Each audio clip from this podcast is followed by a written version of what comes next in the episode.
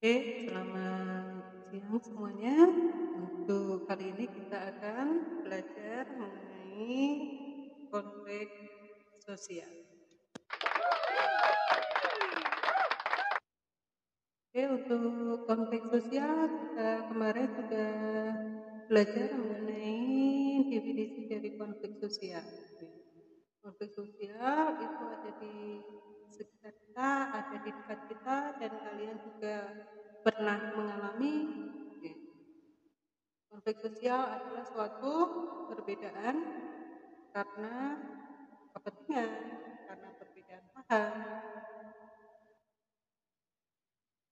Oke, kalian mungkin juga pernah berkonflik dengan bapak ibu kalian, dengan adik kalian, dengan mungkin kalian dengan teman, bapak ibu guru di sekolah. Benar tidak? Oke, artinya kalian memang pernah mengalami. Oke, sebelum saya masuk ke materi, kalian nanti akan uh, belajar mengenai apa faktor penyebab dari konflik, kemudian ada uh, lama tidaknya suatu konflik itu yang ada di dalam masyarakat, kemudian manfaat konflik, kemudian ada beberapa teori konflik. Oke, sebelum kita masuk ke materi, kalian dengarkan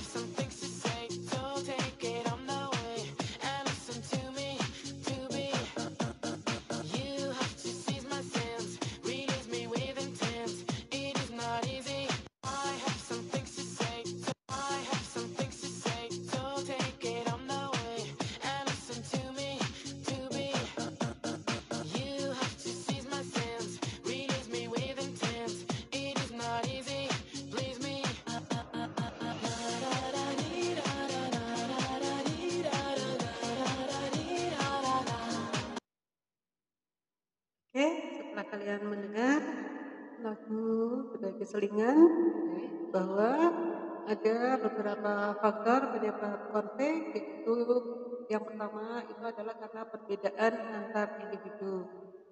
Yang kedua itu adalah perbedaan latar belakang kebudayaan. Yang ketiga itu adalah perbedaan kepentingan antara individu dengan kelompok, individu dengan individu itu bisa Ulangi bahwa faktor penyebab konflik karena perbedaan antar individu, perbedaan latar belakang, perbedaan kepentingan. Untuk perbedaan antar individu itu contohnya kalian berkonflik sama adik kalian, misalnya berebut remote nonton TV itu namanya perbedaan antar individu. Misalnya kalian pengen nonton drama Korea, adik kalian pengen nonton film kartun.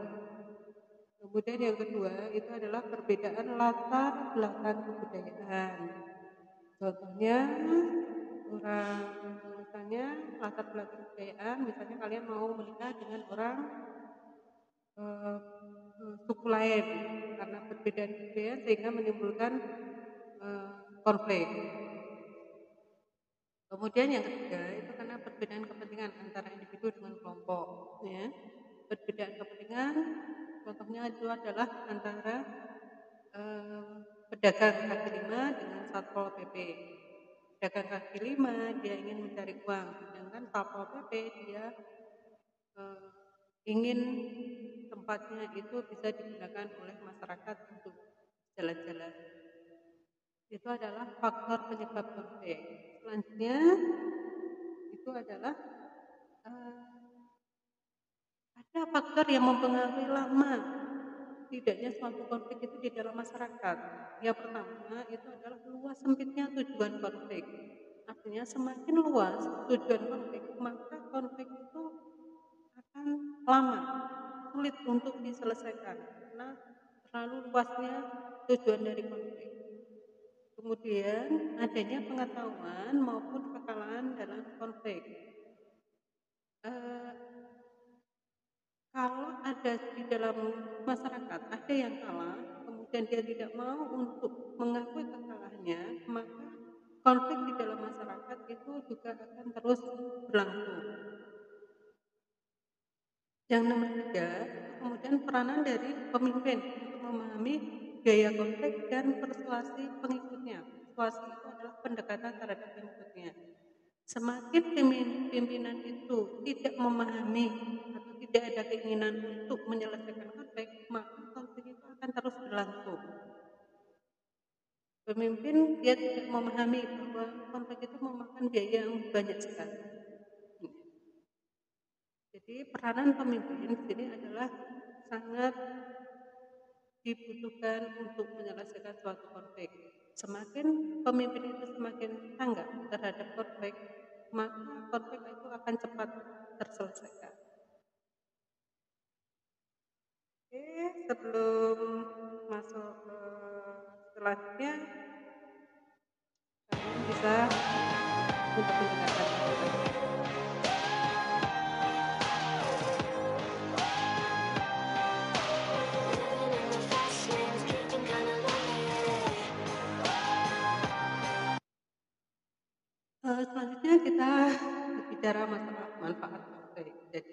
Konflik itu juga mempunyai manfaat itu sebagai media untuk berkomunikasi. Kemudian konflik itu adalah untuk memperkuat kelompok sosial. Untuk memperkuat kelompok sosial, contohnya adalah kalian, misalnya anak kelas 11 IPS 1 berkonflik dengan kelas 11 IPS 2 Kemudian pasti di dalam kelompok kelas 11 IPS 1 dan kelompok kelas 11 IPS 2 itu akan membuat ke, di dalam kelompoknya untuk saling melawan. Yang ketiga, bahwa konflik itu dapat menghasilkan solidaritas di dalam kelompok tersebut dan dapat mengantarkan kepada aliansi dengan kelompok. Artinya bahwa dengan konflik itu bahwa kelompok itu akan melakukan aliansi atau dia bergabung dengan kelompok yang lain. Selanjutnya, manfaat konflik yang lain itu adalah konflik dapat menyebabkan anggota masyarakat yang terisolasi menjadi berperan aktif. Contoh, di dalam kelas kalian mungkin ada teman kalian yang pendiam. Jadi kamu kalian mungkin berkonflik dengan uh, tetangga kelas.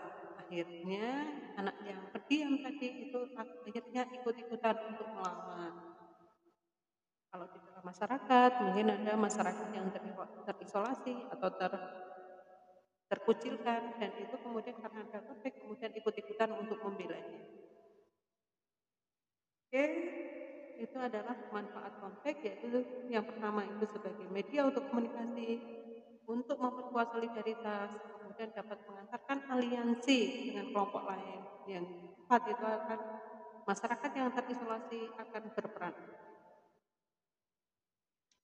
Make more time. Oke, bisa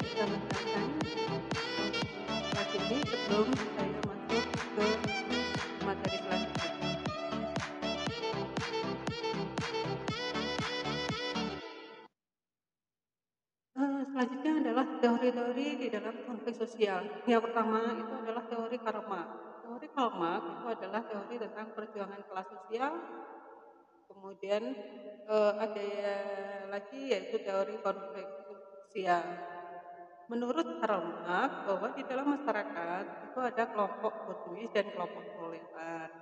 Kelompok burjuis itu adalah suatu kelompok yang dia mendominasi dan dia menguasai modal yang ada di dalam masyarakat. Sedangkan kelompok proletar itu adalah kelompok yang dikuasai, dia tidak memiliki modal. E, kelas proletar itu akan memperjuangkan kelasnya agar dia sejajar dengan kaum borjuis. E, contoh di dalam masyarakat itu adalah konflik antara buruh dengan e, direktur. Buruh menuntut untuk menaikkan dinaikkan gajinya, sedangkan direktur itu mungkin dia mencari keuntungan sebanyak-banyaknya. Di sini proletar, kaum buruh, kemudian kaum berjuis itu adalah direkturnya. Dia akan dia yang mempunyai modal, dia akan mencari keuntungan sebanyak-banyaknya.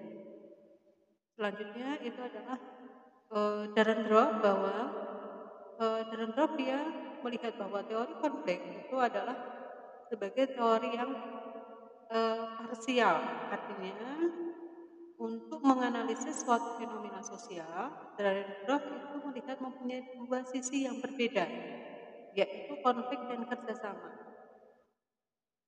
Eh, menurut Darendorf bahwa dengan adanya konflik itu terjadi nanti perpecahan, tapi di sisi lain bahwa eh, dengan adanya konflik itu bisa mempersatukan masyarakatnya, yaitu dengan melakukan kerjasama. Mungkin itu materi yang uh, saya sampaikan untuk pembelajaran hari ini.